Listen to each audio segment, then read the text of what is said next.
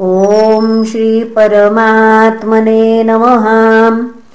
श्रीमद्भागवते महापुराणे पारमहंस्यां संहितायां नवमस्कन्धे षष्ठोऽध्यायः।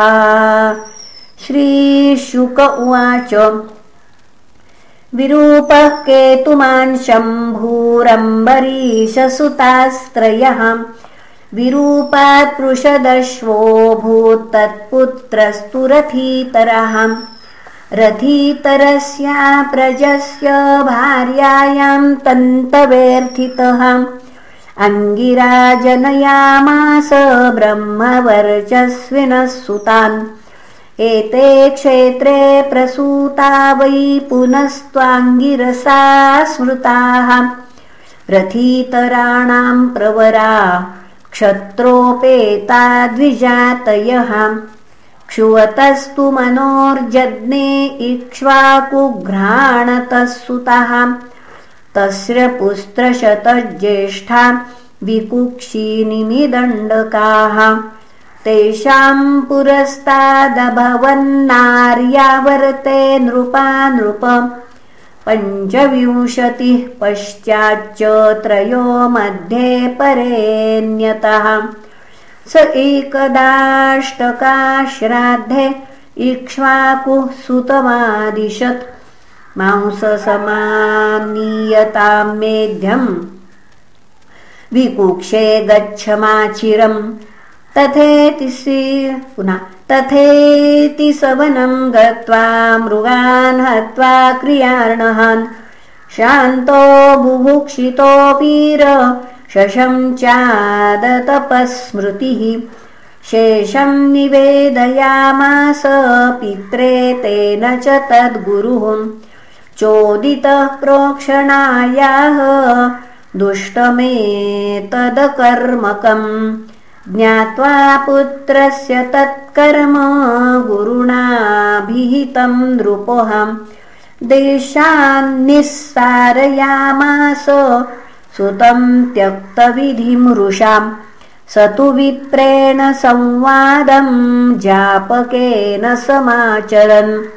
त्यक्त्वा कलेवरं योगी स तेनावापयत्परम् पितुर्युपरतेभ्यत्य विकुक्षि पृथिवीमिमाम् शासदीजे हरिं जज्ञै शशाद इति विश्रुतः।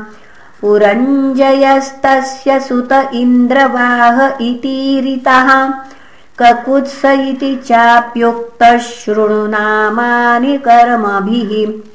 कृतान्त आसीत् समरो देवानां सह दानवैः पार्ष्णिग्राहो वृतो वीरो देवैर्दैत्यपराजितैः।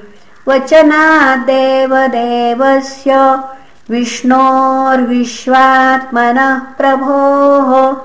वाहनत्वे वृतस्तस्य बभूवेन्द्रो महावृषः सन्नद्धो धनुर्दिव्यमादाय विशिखाञ्चितान् स्तूयमानः समारुह्यो युयुत्सुः ककुदि स्थितः तेजसाप्यायितो विष्णो पुरुषस्य परात्मनः प्रतीचां दिशि दैत्यानाम् न्यरुणत्रिदशैः पुरम् चै पुनः तैस्तस्य चाभूत्प्रधनं तुमुलं लोमहर्षणम् यमाय भल्लेरनयत् दैत्यान्येभिययुर्मृधे तस्येषु पाताभिमुखं युगान्ताग्निमिवोल्बणम्।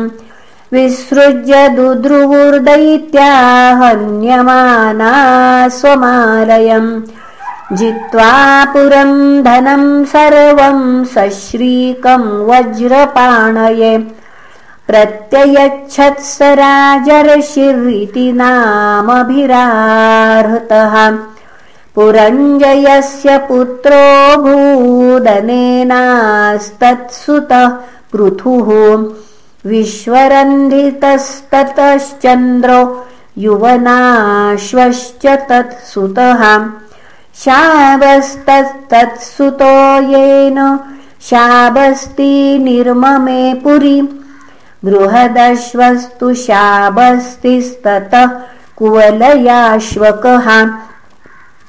यस्य प्रियार्थमुतङ्कस्य धुन्धुनामासुरम्बलि सुतानामेकविंशत्या सहस्रैरहनद्वृतः धुन्धुमार इति ख्यातस्तत्सुतास्ते च जज्वलुः। धुन्धुमोर्मुखाग्निना सर्वे त्रय एवावशेषिताः।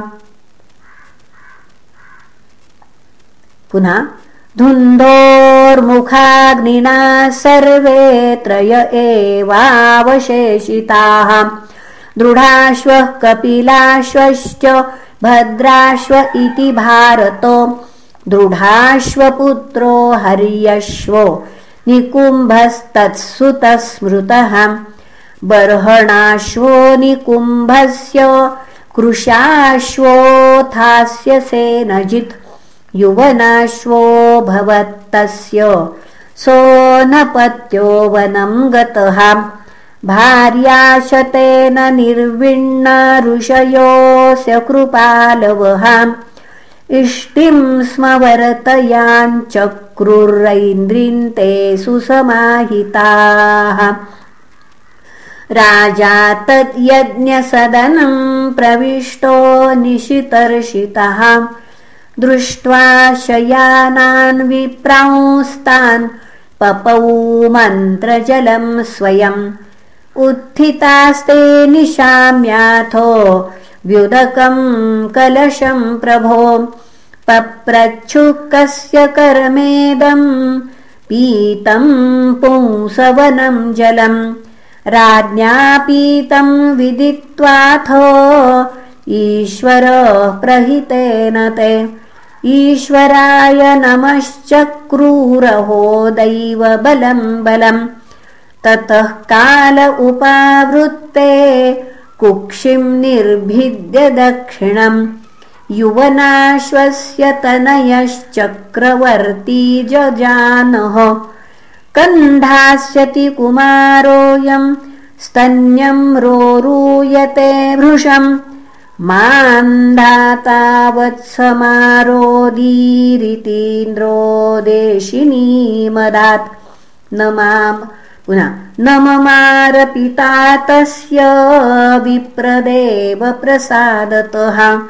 युवनाशोऽथ तत्रैव तपसा सिद्धिमन्वगातुम् त्रसद्दस्युरितीन्द्रोऽङ्ग विदधे नाम तस्य वै। यस्मात्र सन्ति ह्युद्विग्ना दस्य वो रावणादयः यौवनाशोधबान्धाता चक्रवर्त्यवनिम् प्रभुः सप्तद्वीपवतीमेकः शशासाच्युत तेजसा ईजे च यज्ञम् क्रतुभिरात्मविद्भूरि दक्षिणैः सर्वदेवमयम् देवम् सर्वात्मकमतीन्द्रियम्। द्रव्यम् मन्त्रो विधिर्यज्ञो यजमानस्तथर्त्विजः धर्मो देशश्च कालश्च सर्वमेतत् यदात्मकम्। यावत् सूर्यः उदेति स्म यावच्च प्रतितिष्ठति सर्वम् तद्यौवनाश्वस्य मान्धातुः क्षेत्रमुच्यते। शशबिन्दोर्दुहितरि बिन्दुमत्यामधानृपः। पुरुकुत्समम्बरीशम् मुचुकुन्दम् च योगिनम्। तेषाम् स्वसारः पञ्चाशत् सौभरिम् वव्रिरे पतिम् यमुनान्तर्जले मग्नस्तप्यमानः परन्तपहाम् निवृत्तिं मीनराजस्य वीक्षमैथुनधर्मिणः जातस्पृहो नृपं विप्र कन्या मे कामयाचत सोऽप्याह गृह्यतां ब्रह्मन् कामं कन्या स्वयंवरे स विचिन्त्या प्रियं स्त्रीणां जरठो यमसम्मतः। वलीपलित एजत्को इत्यहं प्रत्युदाहृतः।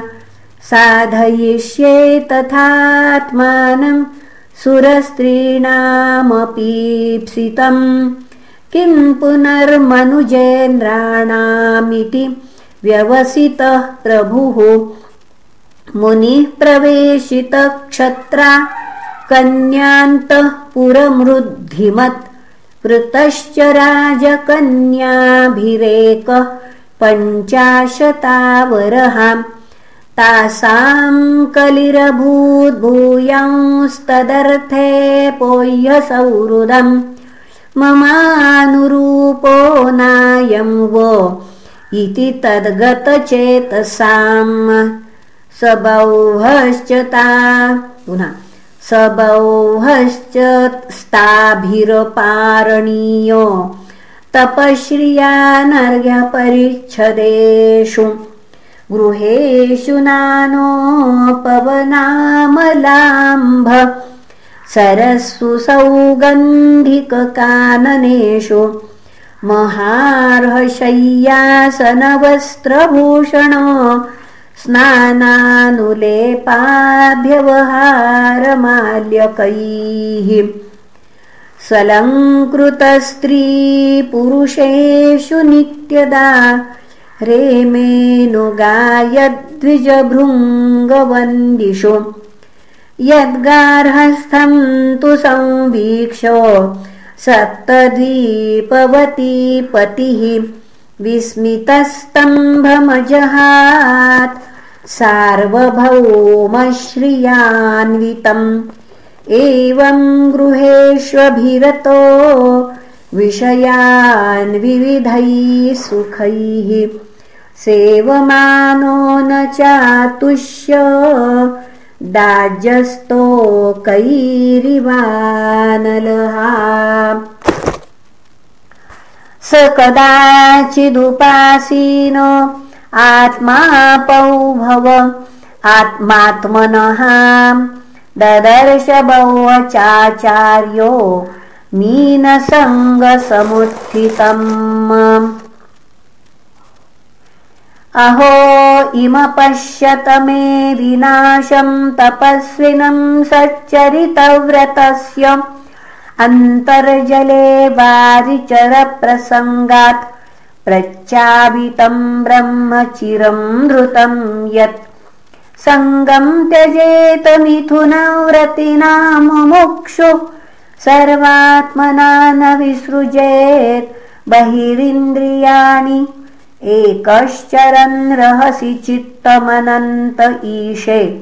युञ्जीत तद्व्रतिषु साधुषु चेत्प्रसङ्गः एकस्तपस्व्यहमथाम्भसि मत्स्यसङ्गात् पञ्चाशताम् पुनः पञ्चाशदासमुत पञ्चसहस्रसर्गः नान्तं रजाम्युभयकृत्य मनोरथानाम् मायागुणैर्हृतमतिर्विषयेऽर्थभावः